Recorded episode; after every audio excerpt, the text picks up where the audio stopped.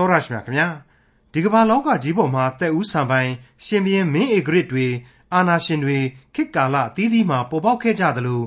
ဒီကနေ့ကျွန်တော်တို့ခေတ်ရဲ့မျက်မှောက်ခေတ်ကာလမှာလည်းအာနာရှင်တွေရှိနေကြသေးပါပဲအာနာရှင်တက်ဦးဆံပိုင်မင်းဧဂရစ်လို့ဆိုလိုက်တာနဲ့အကောင့်ထက်အစိုးကိုပဲမြင်တတ်ကြပါတယ်အဲ့ဒီလိုကြောချမ်းစရာကောင်းလောက်အောင်လဲအာနာရှင်တွေဟာအာနာရှင်ပြီးပြီးရက်ဆက်ကြမ်းတမ်းခဲ့ကြတယ်မဟုတ်ပါလားဒါပေမဲ့လို့ ဒီအာနာရှင်တွေထဲမှာ အကောင်းမွန်ဆုံး အပြည့်အဝဆုံး အာနာရှင်တစ်ပါး ပေါ်ထွက်ခဲ့တယ်လို့ သုံးသပ်ကြပါတယ် ဟာ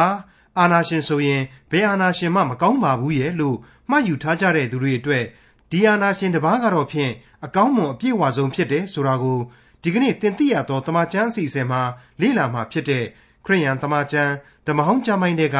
တရားတစ်ခုမြောက်သော ဆာလံကျမ်းနဲ့တရားနှစ်ခုမြောက်သော ဆာလံကျမ်းတို့မှာ တွေ့ရပါတယ် ဒီအာနာရှင်ရဲ့ကောင်းမွန်ပြည့်ဝမှုဟာဘယ်တော့မှပြောင်းလဲသွားမှာမဟုတ်ဘူးဆိုတာကိုလည်းအသေးချာဖော်ပြထားတဲ့တရားတစ်ခုမြောက်သောဆာလံကျမ်းနဲ့တရားနှစ်ခုမြောက်သောဆာလံကျမ်းတို့ကိုဒေါက်တာထွန်းမြတ်အေးကအခုလိုလေ့လာတင်ပြမှာဖြစ်ပါတယ်။လေးစားအပ်သောမိတ်ဆွေတော်တတ်ရှင်အပေါင်းတို့ခမညာတရားတစ်ခုမြောက်သောဆာလံတည်ခြင်းကိုရောက်ရှိလာပါပြီ။ရေပုံရအားဖြင့် Davidic Psalm လို့ခေါ်တဲ့ ဒါဝိဒ်မင်းကြီးရဲ့ပုဂ္ဂိုလ်ရေးဆိုင်ရာဆာလံတွေလို့ဆိုကြတဲ့ဆာလံအစုအဖွဲ့တစ်ခုရဲ့အစပြုတ်လိုက်သောဆာလံတည်ခြင်းပဲဖြစ်တယ်လို့ကျွန်တော်ပြောချင်ပါတယ်။တရားတစ်ခုမြောက်မှသည်တရား6ခုမြောက်သောဆာလံအထိပါဝင်တဲ့အစုအဖွဲ့ဟာအဲ့ဒီကျွန်တော်ပြောခဲ့တဲ့အတိုင်း Davidic Psalms များပဲဖြစ်ပါတယ်။ဒါဝိဒ်မင်းကြီးရဲ့ပုဂ္ဂိုလ်ရေးဆိုင်သောဆာလံများလို့ဆိုနိုင်ပါလိမ့်မယ်။ဘာပဲပြောပြောဒါဝိဒ်မင်းရဲ့အာနာဇက်ဒါဝိဒ်မင်းရဲ့ဘဝဖြစ်စဉ်တွေလောက်နဲ့ အခုဆာလံတီချင်းကဖော်ပြချက်တွေဟာကိုက်ညီခြင်းမရှိပါဘူးအဲ့ဒီလိုကိုက်ညီမှုမရှိတာဘာကြောင့်လဲဆိုရင်တော့ပြောတော့သာဒါဝိဒ်အဓိကအားဖြင့်ကယ်တင်ရှင်သခင်ခရစ်တော်အကြောင်းကိုသာလျှင်နမိတ်ပုံဆောင်ထားတဲ့အနာဂတ်ဆာလံများဖြစ်နေလို့ပါပဲတနည်းအားဖြင့်တော့ဒါဝိဒ်မင်းအားဖြင့်ဘုရားသခင်ကနေပြီးတော့လူသားတွေကိုသိစေခြင်းတဲ့ခရစ်တော်ရဲ့အကြောင်းတွေကိုဖော်ပြထားခြင်းဖြစ်တယ်တစ်ချိန်သောကာလမှာ ဒါဝိဒ်မင်းကြီးရဲ့အမျိုးတွေကနေပြီးတော့သာလျှင်ဒီကယ်တင်ရှင်သခင်ယေရှုခရစ်ဟာဖွားမြင်လာရမှာလေဖြစ်တဲ့အတွက်ကြောင့်နှုတ်ကပတ်တော်ရဲ့ဗျာဒိတ်တုဟာပြည်ပြင်းထင်ရှားလှစွာနဲ့ဒီဆာလံတည်ခြင်းများအပြင်မှတ်တမ်းတင်သွားမှာဖြစ်ပါတယ်တရားတစ်ခုမြောက်သောဆာလံအငယ်1နဲ့2ငါသည်သနာစုံမဲ့ခြင်းတရားသဖြင့်စီရင်ခြင်းကိုအကြောင်းပြု၍ပြီးခြင်းဆိုပါမည်။အိုထာဝရဖျားရှေ့တော်၌ပြီးခြင်းဆိုပါမည် စုံလင်သောတရားအတိုင်းပညာသတိနှင့်ကျင့်ပါမည်ကိုတော်သည်အကျွန်ုပ်စီသို့အဘယ်ကာလမှကြွလာတော်မူမည်နီကိုအိမ်တွင်တန်ရှင်းသောစိတ်နှလုံးနှင့်ကျင့်ပါမည်သနာဂယုဏစိတ်ကတစ်ဖက်တရားသဖြင့်စီရင်ခြင်းကတစ်ဖက်တဲ့အလွန်အံ့ဩဖွယ်ဖြစ်တယ်လူတွေတွေးလို့ရှိရင်သိပြီးတော့သဘာဝမကြသလိုတွေးလို့လည်းမရနိုင်သလိုပါပဲတရားစီရင်တယ်ဆိုကြတဲ့ကသနာနေလို့မရနိုင်ဘူး အဲ့ဒီလိုသနာဂယုဏစိတ်ကြီးရှိနေရင်လေတရားစီရင်လို့ဘယ်နည်းနဲ့မှမဖြစ်နိုင်ဘူးအဲ့ဒီလိုလူသဘောတဘာဝနဲ့ဆန့်ကျင်တဲ့အမှုကိုဘုရားသခင်ဟာတာဝန်ယူနိုင်စွမ်းရှိတယ်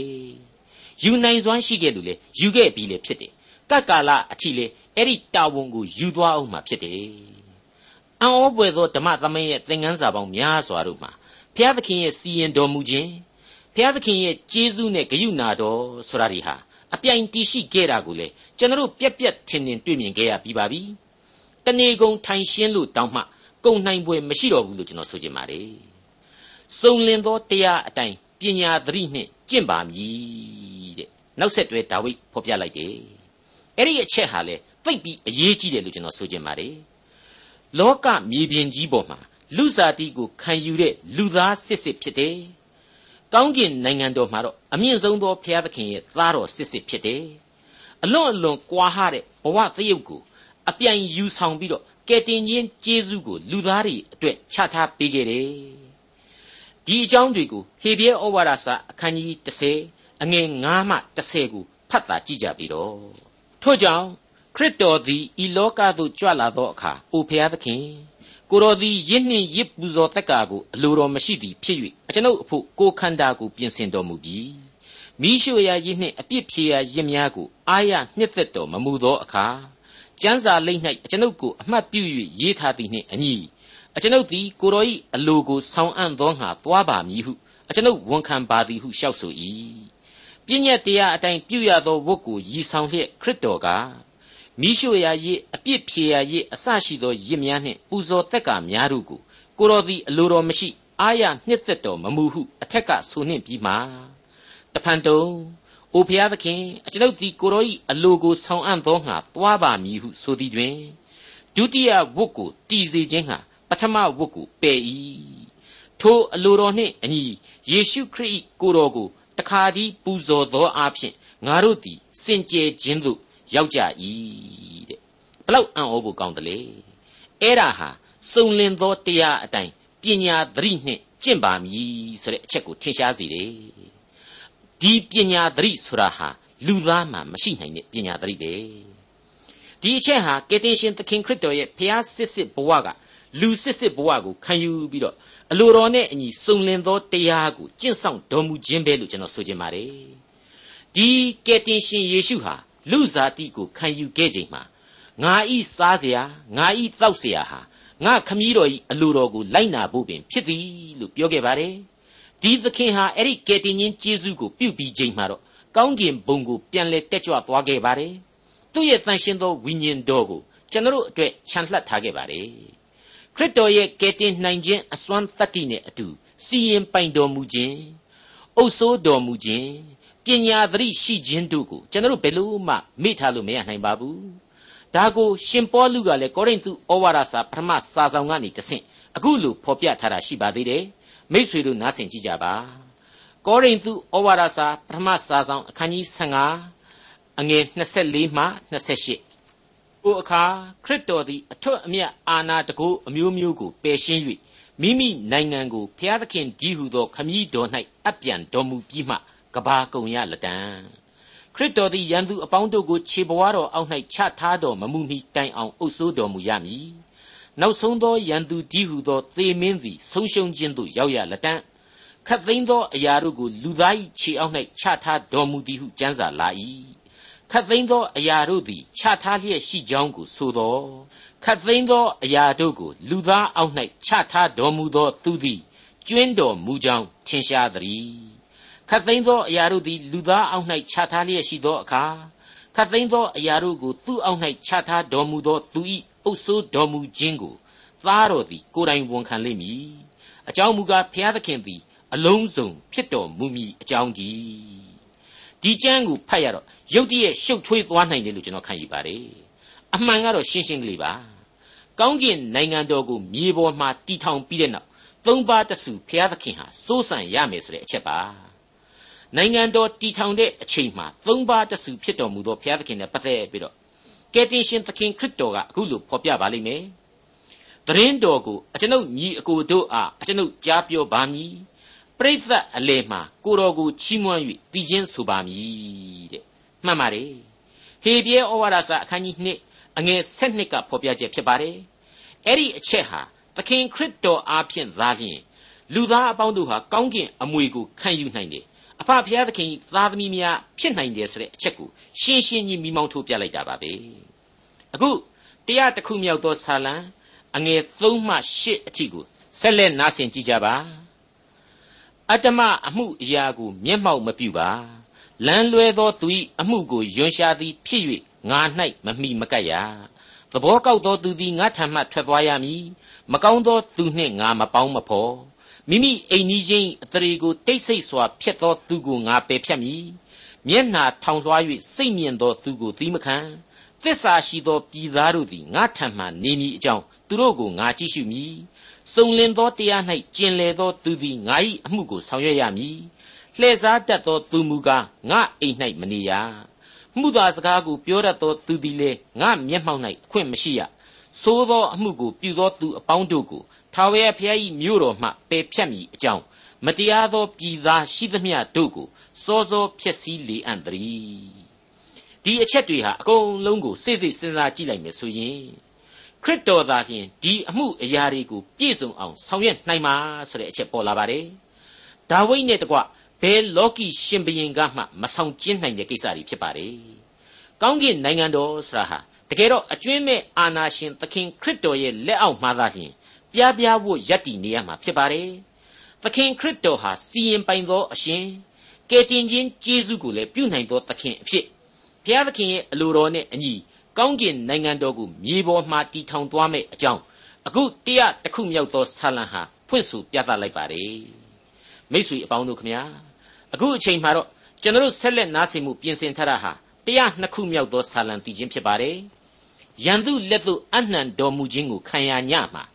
ဂေသရှင်မန်ဥယျင်အတွင်းကကယ်တင်ရှင်သခင်ခရစ်တော်ရဲ့အလွန်တရာဝန်းနဲ့ကြေကွဲပွဲသရုပ်ကိုဝိညာဉ်ရေးအရာခန်းစားထိတွေ့ရစေသောဆာလံလို့ကျွန်တော်မိတ်ဆက်ပေးခြင်းပါတယ်တရားနှစ်ခုမြောက်သောဆာလံအငယ်1မှ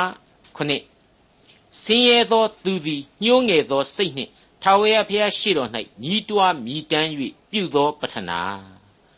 အိုးထာဝရဘုရားအကျွန်ုပ်၏ပတ္ထနာကိုနားထောင်တော်မူပါ အကျွန်ုပ်၏အော်ဟစ်ခြင်းအသံသည်ရှေ့တော်သို့ရောက်ပါစေသောဘေးရောက်သည့်ကာလ၌မျက်နာတော်ကိုအကျွန်ုပ်မှလွှဲတော်မမူပါနှင့်အကျွန်ုပ်ခေါ်သောအခါနားထောင်တော်မူပါအလျင်အမြန်ထူတော်မူပါအကြောင်းမူကားအကျွန်ုပ်၏နေ့ရက်ကာလသည်မိโกကဲ့သို့ကုန်တတ်ပါ၏အကျွန်ုပ်အယိုးတို့သည်မိချေကဲ့သို့ကျွမ်းကြပါ၏အကျွန်ုပ်၏နှလုံးသည်မြက်ပင်ကဲ့သို့အထိအခိုက်ခံရ၍ညှိုးနွမ်းလျက်ရှိပါ၏အစာစားခြင်းကိစ္စကိုပင်မိလျော့တတ်ပါ၏ ကိုညီးတွားခြင်းအသံကြောင့်အကျွန်ုပ်၏အယိုးတို့သည်အရေ၌ကပ်လျက်ရှိကြပါ၏အကျွန်ုပ်သည်လွင်ပြင်၌နေသောဝန်ဘိုကဲ့သို့၎င်းတော၌နေသောဇီးကွက်ကဲ့သို့၎င်းဖြစ်ပါ၏အကျွန်ုပ်သည်အိမ်မိုးပေါ်မှတကောင်ကြီးနေရသောငှက်ကဲ့သို့ဖြစ်၍စောင့်လျက်နေရပါ၏ခရစ်တော်ဟာသုံးပါးတဆူဖြစ်တော်မူသောဘုရားသခင်ပဲဖြစ်ပါတယ်ဆုတောင်းနေဖို့လိုသေးသလားဆိုပြီးတော့မေးမြန်းစောကြောတဲ့ပုံကိုယ်တွေကိုကျွန်တော်ကြုံမှုပါတယ် အပြည့်ဆိုလို့မရပါဘူးဇောရကပြက်တင်တယ်လို့လည်းကျွန်တော်ထင်ပါတယ်ဒါကိုဟေဘရဲဩဝါဒစာအခန်းကြီး9အငယ်9ကနေ10အတွင်းမှာအခုလိုနားလေလွယ်အောင်ရှင်းလင်းပြဆိုထားပါတယ်ထိုခရစ်တော်သည်လူစားတိအဖြစ်၌နေစဉ်ကာလသေခြင်းမှကယ်လွတ်နိုင်တော်မူသောသူကိုကြီးစွာသောကြွေးကြော်ခြင်းမျက်ရည်ကျခြင်းဖြင့်ဆုတောင်းပတ္ထနာပြုသဖြင့်ကြောက်ရွံ့ရာအမှု၌ချမ်းသာရသည်ဖြစ်၍ ဘုရားသခင်၏သားတော်မှန်တော်လဲဆင်းရဲဒုက္ခကိုခံသောအဖြစ်နားထောင်ခြင်းအကျိုးအကြောင်းကိုသင်တော်မူ၏ထိုသို့စုံလင်ခြင်းသို့ရောက်ပြီးမှယုံကြည်နားထောင်သောသူအပေါင်းတို့အားထာဝရကယ်တင်ခြင်းကျေးဇူးကိုပြုသောသူဖြစ်တော်မူ၍မေလခိဇေဒက်ကဲ့သို့သောယစ်ပရောဟိတ်မင်းဟုဘုရားသခင်သမုတ်တော်မူခြင်းကိုခံရ၏မိษွေတော်တတ်ရှင်အပေါင်းတို့ခမညာနောက်ထပ်သက်သေတစ်ခုကို ကဘာဦးကျမ်းအရာတွေ့နိုင်ပါသေးတယ်ကဘာဦးကျမ်းအခန်းကြီး19အငယ်24မှာတုန်းကသောဒုံနဲ့ဂေါမောရမြို့ကြီးတွေအပေါ်မှာကန့်မီးလောင်စေပြီးတော့ဖျက်ဆီးခြင်းနဲ့ပတ်သက်လို့အင်္ဂလိပ်ကျမ်းစာဖော်ပြချက်အရာမြေပေါ်ကဘုရားသခင်အဖြစ်တော်၎င်းကောင်းကင်ဘုံသခင်အဖြစ်တော်၎င်းစီရင်ခြင်းဖြစ်တယ်ဆိုတာကိုတွေ့ရပါတယ်။ထာဝရဘုရားဘုမဟုတ် Lord ဆိုတဲ့နာမတော်ဟာဒီစီရင်တော်မူခြင်းမှာပုံစံနှမျိုးနဲ့တွေ့ရပါတယ်။ ကျွန်တော်ဒီနေရာမှာအင်္ဂလိပ်လိုအနည်းငယ်ဖတ်ပြခွင့်ပြုပါ။ Then the Lord rained upon Sodom and upon Gomorrah brimstone and fire from the Lord out of heaven ဆိုပြီးတော့ဖော်ပြထားခြင်းဖြစ်ပါတယ်အမှုတော်မြတ်ရဲ့အကြောင်းကိုလူသားတို့နားလည်ဖို့ရန်အလွန်ခက်လှတယ်လို့ဒါနဲ့ပတ်သက်ပြီးတော့တင်ပြပါရစေတရားနှစ်ခုမြောက်သောဆာလံအငယ်၈မှ16 အကျွန်ုပ်ယံသူတို့သည်တနေ့လုံးကဲ့ရဲ့ကြပါ၏အကျွန်ုပ်တစ်ဖက်၌စော်ကားသောသူတို့သည်အကျွန်ုပ်ကိုပုံခိုင်း၍ကြိမ်ဆိုတတ်ကြပါ၏စိတ်တော်မပြေအမျက်ထွက်တော်မူသောကြောင့်အကျွန်ုပ်သည်ပြာကိုမုံကဲ့သို့စားရပါ၏တောက်သောအခါလဲမျက်ရည်ရော၍တောက်ရပါ၏ကိုတော်သည်အကျွန်ုပ်ကိုချီးမြှောက်ပြီးမှအောက်သို့ချတော်မူပြီး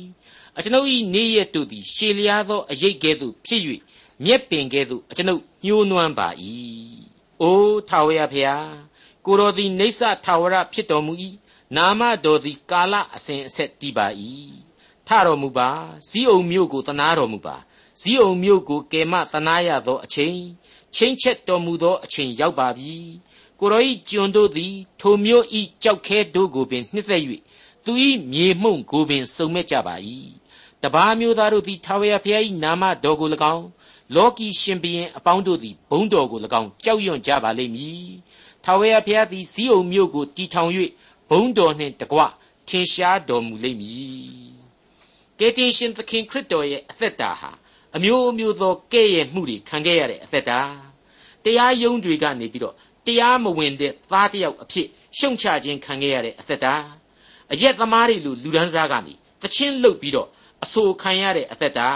အပြောင်အချော်ခံရတဲ့အသက်တာအနောက်ခံရတဲ့အသက်တာဆိုတာကိုကျွန်တော်ရှင်းလင်းခဲ့ပြီးဖြစ်ပါတယ်အခုဒီအချက်တွေကိုပြန်လဲဖော်ကျူးလိုက်တာပါပဲပြန်လဲအတီးပြုတ်ပေးလိုက်တာ ਨੇ အတူတူပါပဲတရားနှစ်ခုမြောက်သောဇာလံအငယ်23မှ28အဆုံးအထိ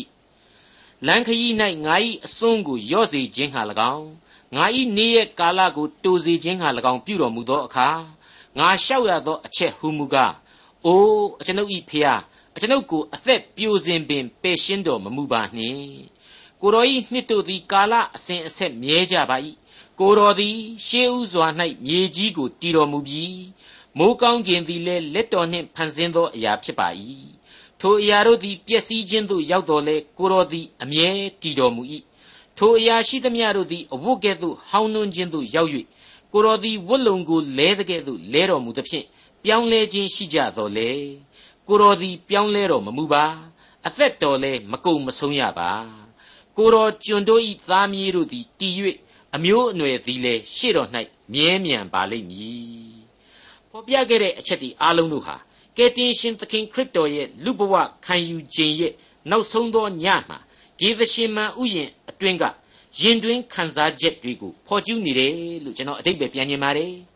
ဒါဟာစောစောကကြားခဲ့ရတဲ့အတိုင်းပဲ ဟေပြဲဩဝါဒစာအခန်းကြီး9အငယ်9မှ17အတွင်းမှာတွေ့ရတဲ့အချက်ကိုအတီးပြုတ်ပေးလိုက်ပါတယ်ထိုခရစ်တော်သည်လူဇာတိအဖြစ်၌နေစဉ်ကာလသေခြင်းမှကယ်လွတ်နိုင်တော်မူသောသူကိုကြီးစွာသောကြွေးကြော်ခြင်း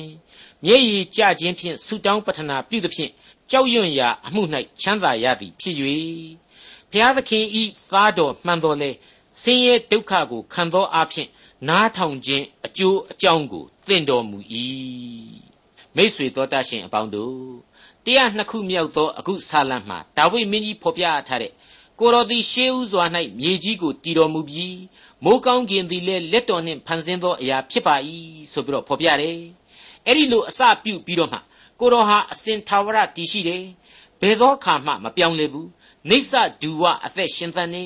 ဘုရားသခင်ကိုယုံကြည်သူတို့ဟာအစဉ်အမြဲမြဲမြံတဲ့အသက်တာဆုကျေးဇူးတော်ကိုခံစားရတယ်ဆိုတာလေးနဲ့ပတ်သက်လို့ဟေပြဲဩဝါဒစာအခန်းကြီး1အငယ်30ကနေ14အတွင်းမှာဒါကိုပဲပြန်ပြီးတော့ကိုးကားထားတာလည်းရှိပါသေးတယ်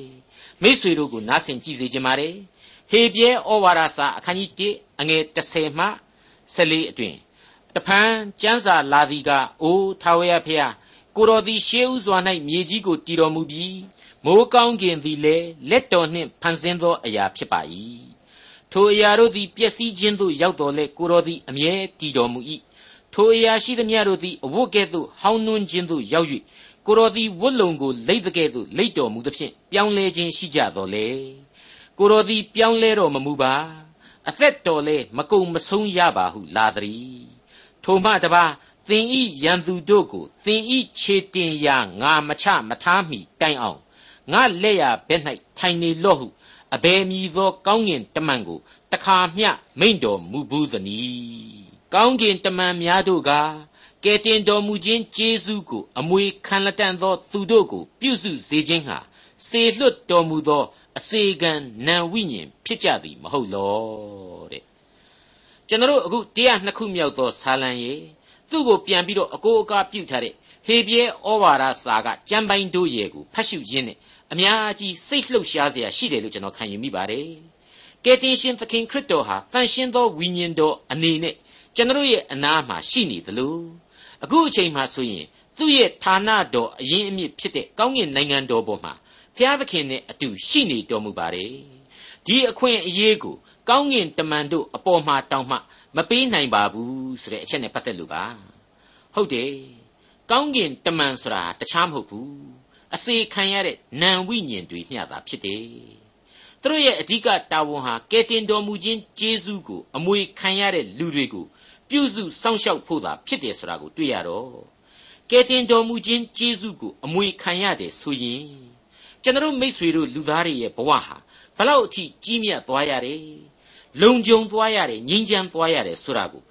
အထူးတွေးနေစရာမလိုတော့ဘူးလို့ကျွန်တော်ခန်းစားမိပါတယ် မိษွေတို့ကိုလည်းဒီအတိုင်းပဲခန်းစားရစီခြင်းပါတယ်လူသားဘဝကိုခံယူခြင်းဖြစ်တဲ့လူစားတိမှာခရစ်တော်ကိုကောင်းကင်တမန်တဲ့အနည်းငယ်နှိမ့်တယ်ဆိုတာကိုရှစ်ခုမြောက်သောဆာလံမှာကျွန်တော်တို့တွေ့ကြရပါတယ်ဒါဟာအမှန်တော့ရှေးကာလတုန်းကခရစ်တော်ကိုယစ်ပရောဟိတ်ကြီးတပါးဣသရေလလူမျိုးတို့ကိုဥဆောင်တဲ့ဗိုလ်မင်းစတဲ့ပုံစံတွေနဲ့မြေပေါ်ကိုဆင်းသက်စေခဲ့တာဟာကောင်းကင်တမန်လိုဆေလွတ်စေခဲ့ခြင်းဖြစ်တယ် အခုတော့အပြစ်စားတိပဂရိလူသားအဖြစ်စေလွတ်လိုက်လို့သားလျှင်ကောင်းကင်တမန်တဲ့အနည်းငယ်နှိမ့်တော်မူခြင်းဖြစ်တယ်ဆိုတာကိုအလွန်ထင်ရှားပေါ်လွင်စေတယ်လို့ကျွန်တော်တို့နားလည်လာရပြန်ပါတယ်အဲ့ဒီလိုပါပဲကျွန်တော်လူသားတွေအကုန်လုံးဟာလေအပြစ်ဒီဟုသောဇာတိပဂရိအားဖြင့်တော့ကောင်းကင်တမန်တို့တဲ့တဆင့်နှိမ်ပါနေတယ်လို့ဆိုရမှာသာဖြစ်ပါတယ်ဒါပေမဲ့အဲ့ဒီကောင်းကင်တမန်တဲ့နှိမ်ကြပါတယ်ဆိုတဲ့ကျွန်တော်တို့တွေကိုပဲတခါပြန်ပြီးတော့နားလေစီပြန်တဲ့အချက်ကတော့ 82ခုမြောက်သောဆာလံမှာပါလာတဲ့အချက်ပါပဲအမှတ်တမဲ့ဆိုရင်တော့ခေါင်းတစ်ပန်းကြီးသွားမယ်ကိစ္စခေါင်းငိုက်ဆိုင်ကြသွားစီလောက်တဲ့ဖော်ကျူးကျဲလို့ကျွန်တော်ဆိုချင်ပါတယ်သင်တို့သည်ဖျားဖြစ်ကြ၏ရှိသမျှတို့သည်အမြင့်ဆုံးသောဖျား၏သားဖြစ်ကြ၏တဲ့ကဲသွေးလေခြောက်ချားเสียမကောင်းဘူးလားတခါအဲ့ဒီလိုလူသားဟာဖျားတောင်ဖြစ်တယ်ဆိုတဲ့အချက်ကိုဆက်ပြီးတော့သို့တော်လေသင်တို့သည်လူကဲ့သို့သေ၍ အခြားသောမင်းကဲ့သို့ဆုံးရှုံးခြင်းသို့ရောက်ကြလိမ့်မည်ဆိုပြီးတော့ဆိုလိုက်ပြန်တယ်အဲ့ဒီလိုပြောလိုက်ပြန်တော့အပြစ်နဲ့မကင်းလူဖြစ်ခြင်းကြောင့်သေခြင်းနောက်ဆုံးရှိရမယ်ဘာပဲပြောပြောသေရသောလူကဲ့တင်ယူ၍သူနှင့်တူရှင်ဘုံကောင်းခြင်းမှာဝိညာဉ်ပွင့်လန်းစေရမယ်အဲ့ဒီအချက်ကိုဘုရားသခင်ဟာလူသားကိုနားလေစေလိုက်ပြန်တာ ਨੇ အတူတူပဲအဲ့ဒီတော့လူသားတိုင်းလူသားတိုင်းဟာဘုရားသခင်ရဲ့သားသမီးများဖြစ်တယ် ယာယီတဲလို့ဆိုရမယ်ကို့ဘဝကိုစွန့်ခွာပြီးပြီဆိုရင်ဘုရားသခင်ကိုကိုးကွယ်သူဟာဘုရားသခင်စီကိုပြန်ကိုသွားရလိမ့်မယ်ယုံကြည်ခြင်းအသက်တာကိုရှင်သန်မယ်ဆိုရင်ကောင်းကင်တမန်တို့တဲ့အဆင့်မြင့်သွားရလိမ့်မယ်ဆိုတာကိုကျွန်တော်တို့ကိုနှုတ်ကပတ်တော်ဟာလွယ်လွယ်ကူကူလေးနားလည်အောင်တွင်တင်ပေးလိုက်ပါတယ်ဒါကြောင့်မို့လို့လေပြီးခဲ့တဲ့68ခုမြောက်သောဆာလံဟာဆိုရင်ပြေဝစုံလင်တဲ့လူဘဝအဖို့ ဘုရားသခင်ရဲ့နိုင်ငံတော်ကိုကြိုတင်ပြီးမြင်ရလောက်အောင်ရှိခဲ့တဲ့ဆာလံဒီဆာလံအားဖြင့်ကျွန်တော်တို့ကိုဝိညာဉ်ခွန်အားပေးရင်းနဲ့ဒါဝိမင်းကြီးဟာချီးမွမ်းထောမနာပြုသွားခဲ့တယ်ဆိုတာကိုကျွန်တော်တို့နားလည်ခန်းစားခဲ့ကြပြီဖြစ်ပါတယ်လက်တွေ့ဘဝကျင့်စဉ်များအဖြစ်သင်ခန်းစာများထုတ်ယူစေခြင်းတဲ့အတွက်ကြောင့်ဒီပြီးခဲ့သော68ခုမြောက်ဆာလံကိုကျွန်တော်တကြောပြန်ဖတ်ရှုပြလိုပါတယ်ဖျားသခင်သည်အကျွန်ုပ်တို့ကိုတနာခြင်းဂယုဏစိတ်တော်ရှိသဖြင့် ကောင်းကြီးပေး၍မျက်နာတော်၏အလင်းကိုလွှတ်တော်မူပါစေသော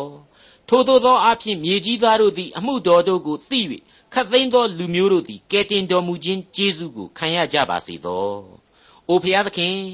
လူများတို့သည်ကိုတော်ကိုချီးမွမ်းကြပါစေသော။လူများအပေါင်းတို့သည်ကိုတော်ကိုချီးမွမ်းကြပါစေသော။လူအမျိုးမျိုးတို့သည်ဝမ်းမြောက်၍ရှင်လန်းစွာတည်ခြင်းဆိုကြပါစေသော။ အကြောင်းမူကားကိုတော်သည်လူတို့ကိုဖြောင့်မတ်စွာတရားစီရင်၍မြေကြီးပေါ်မှရှိသောလူမျိုးတို့ကိုချမ်းသာပေးတော်မူမည်။အိုဖျားသခင်လူများတို့သည်ကိုတော်ကိုချီးမွမ်းကြပါစေသောလူများအပေါင်းတို့သည်ကိုတော်ကိုချီးမွမ်းကြပါစေသောမြေသည်မိမိဗန္တာကိုပေး၍ဖျားသခင်ဒီဟုသောငါတို့၏ဖျားသခင်သည်ငါတို့ကိုကောင်းကြီးပေးတော်မူ၏ဖျားသခင်သည်ငါတို့ကိုကောင်းကြီးပေးတော်မူအောင်မည်မြေကြီးစွန်းအပေါင်းတို့သည်လည်းဖျားသခင်ကို ကြောက်ရွံ့ကြလိမ့်မည်တဲ့အလွန်ပြည့်စုံသောဆာလံဖြစ်ပါတယ်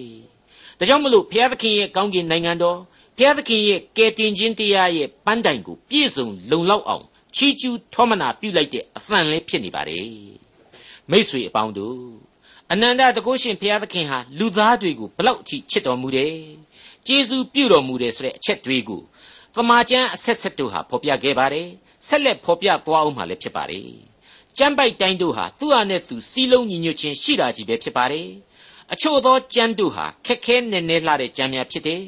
အတိတ်ဘယ်ကိုအလွယ်အလွယ်ထုတ်ယူလို့မရနိုင်ပါဘူးဒါပေမဲ့သမိုင်းရဲ့အတိတ်ဖြစ်ရတွေကိုစဉ်းစားအနာဂတ်ဖြစ်ရတွေနဲ့ကိုက်ညှိလိုက်တဲ့အခါမှာအလွန်ကောင်းမွန်တဲ့အဖြေကောင်းများကိုရရှိလာရစေတယ်လို့ကျွန်တော်တို့မြင်နိုင်ပါတယ်တရားတစ်နဲ့တရားနှစ်ခုမြောက်သောဆာလံတီချင်းများကိုကျွန်တော်တို့လေ့လာရခြင်းအပြင် ကယ်တင်ရှင်ဖြစ်သူသခင်ခရစ်တော်ရဲ့ဘုန်းတကူအာနုဘော်တော်များကိုကျွန်တော်တို့နားလည်ခွင့်ရခဲ့ကြပါတယ်ကောင်းကင်နိုင်ငံတော်ကိုမြေပေါ်မှာတည်ထောင်မဲ့အနာဂတ်ဗျာဒိတ်များကိုကြားနာရခြင်းအပြင်လေ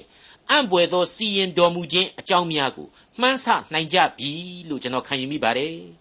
ဗျာဒိတ်တော်များကိုဖော်ပြတဲ့ဆာလံတီချင်းတွေလို့ဆိုရပေမယ့် ကျွန်တော်ရဲ့ပြစ်ဆက်ခဘဝအတွက်လေအလွန်ကောင်းမွန်တဲ့သင်ခန်းစာများကိုရယူနိုင်သေးတယ်ဆိုတာကိုမိษွေတို့မျက်ခြေမပြတ်ကြပါနဲ့တနာဆုံမဲ့ချင်းဂယုဏနဲ့ပြည့်စုံတဲ့ကယ်တင်ရှင်ဟာလူသားကဘာအတွက်အသက်တော်ကိုစွန့်ပြီးတော့ကျေးဇူးတော်နဲ့ပတ်ရစ်ပေးခဲ့တယ်တစ်ချိန်တည်းမှာတရားသဖြင့်စီရင်တော်မူသောသခင်အဖြစ်ဆက်လက်ကြွဆင်းလာတော်မူအောင်မယ်ဆိုတဲ့အချက်ကိုကျွန်တော်ရင်ဝယ်ပိုက်ထားကြဖို့ ਨੇ ထိုအချိန်ကာလဟာဘုရားသခင်ပြင်ဆင်ထားသောအချိန်သာဖြစ်တယ် ကိုဟာဆုတောင်းလျက်ပြင်ဆင်၍စောင့်စားကြယုံသာရှိတယ်လို့ကျွန်တော်တင်ပြလိုပါတယ်ကယ်တင်ရှင်လူစားတိကိုခံယူစဉ်တုန်းကငါအမှန်အကန်ဆိုသည်ကငါစကားကိုနားထောင်၍ငါကိုစေလွတ်တော်မူသောသူကိုယုံကြည်သောသူသည်ထာဝရအသက်ကိုရသည်ဖြစ်၍အပြစ်စီရင်ခြင်းကိုမခံရသေခြင်းမှအသက်ရှင်ခြင်းသို့ကူးမြောက်သောသူဖြစ်၏ဆိုပြီးတော့ဖော်ပြခဲ့ပါတယ်ရှင်ယောဟန်ခရစ်ဝင်ကျမ်းအခန်းကြီး9မှာအထင်အရှားတွေ့ရခြင်းပါ သေခြင်းဆင်းရဲကိုကြောက်ရွံ့မြဲဖြစ်တဲ့လူအသက်တာဟာလွတ်ရလန်းကိုရှာရမှာပဲဖြစ်ပါတယ်ရှာတဲ့အခါမှာတော့အနန္တတကုရှင်ရဲ့ခရစ်တော်အားဖြင့်သနာတော်မူသောကယ်တင်ရှင်ယေရှုဆရာဟာလူသားတို့ရဲ့ပဂရိလိုအပ်ချက်နဲ့အနီးကပ်ဆုံးပေါ်ထွန်းလျက်ရှိနေပါတယ်ဒါပေမဲ့အပြစ်ဇာတိပဂရိလူသားဟာဘုရားသခင်ပေးတဲ့ဒီကယ်တင်ခြင်းကိုစာရမဏေရဲ့သွေးဆောင်မှုကြောင့်တနည်းမဟုတ်တနည်းဆန့်ကျင်နေပါဟာလေဧကန်အမှန်ပဲဖြစ်ပါတယ်ဥပမာအားဖြင့်ကတော့ သိပ်ပန်နီးမကြဘူးလို့ဒီလောက်တောင်လူသားကိုချစ်တယ်တကိုးရှိတယ်ဆိုရင်ဘာအသေးခံနေဖို့လို့တလေတစ်ချက်လွတ်အမိတ်နဲ့အပြစ်လွတ်စေတည်းဆိုပြီးတော့အမိတ်ချလိုက်ရင်ပြီးရောမဟုတ်ဘူးလားတို့စသဖြင့်ပေါ့အမျိုးမျိုးသောမိကွန်းတွေနဲ့ခရစ်တော်ကိုလက်မခံနိုင်ကြတာပဲလို့ကျွန်တော်ကောက်ချက်ချမိပါတယ်တကယ်တော့လူအုံနှောက်နဲ့သာလောကနိဗ္ဗာန်ကြီးတိဆောက်လို့ရကြီးဆိုလို့ရှိရင်ကျွန်တော်ကဘာကြီးလောကနိဗ္ဗာန်ဖြစ်နေတာကြာပြီပေါ့အခုတော့မရနိုင်ဘူးလိုအပ်ချက် ကွက်လက်ဆိုတာဟာအစဉ်တစိုက်ရှိနေခဲ့တယ်သမိုင်းတစ်လျှောက်လုံးဘယ်သမိုင်းပညာရှင်မှဒါကိုမငြင်းနိုင်ဘူးအဲ့ဒီလိုအပ်ချက်ကွက်လက်ကိုအသက်ရှင်တော်မူသောဘုရားသခင်ကိုလူသားတို့ယုံကြည်ခြင်းအပြင်သာလျှင်ဖြည့်ဆည်းနိုင်တယ်အဲ့ဒီလိုသာလျှင်အကောင်းဆုံးသောကဘာသစ်ကိုတိဆောက်နိုင်မှဧကံပဲလို့ကျွန်တော်လေးစားစွာတင်ပြခြင်းပါတယ်ကိုတော်သည်ရှေးဥစွာ၌မြေကြီးကိုတည်တော်မူပြီးမိုးကောင်းခင်သည်လည်းလက်တော်နှင့်ဖန်ဆင်းသောအရာဖြစ်ပါ၏ ထိုအရာတို့သည်ပျက်စီးခြင်းသို့ရောက်တော်လေကိုတော်သည်အမြဲတည်တော်မူ၏ထိုအရာရှိသမျှတို့သည်အဝတ်ကဲ့သို့ဟောင်းနှွမ်းခြင်းသို့ရောက်၍ကိုတော်သည်ဝတ်လုံကိုလဲတဲ့ကဲ့သို့လဲတော်မူသဖြင့်ပြောင်းလဲခြင်းရှိကြတော်လေကိုတော်သည်ပြောင်းလဲတော်မမူပါဒေါက်တာထွန်းမြတ်ရေးစီစဉ်တင်ဆက်တဲ့တင်ပြတော်တမချန်းအစီအစဉ်ဖြစ်ပါတယ်နောက်တစ်ချိန်အစီအစဉ်မှာခရိယန်တမချန်းဓမ္မဟောင်းကျမ်းပိုင်းမှာပါရှိတဲ့တရား၃ခုမြောက်သောဆာလံကျမ်းကိုလေ့လာမှဖြစ်တဲ့အတွက် စောင့်မျှော်နားဆင်နိုင်ပါတယ်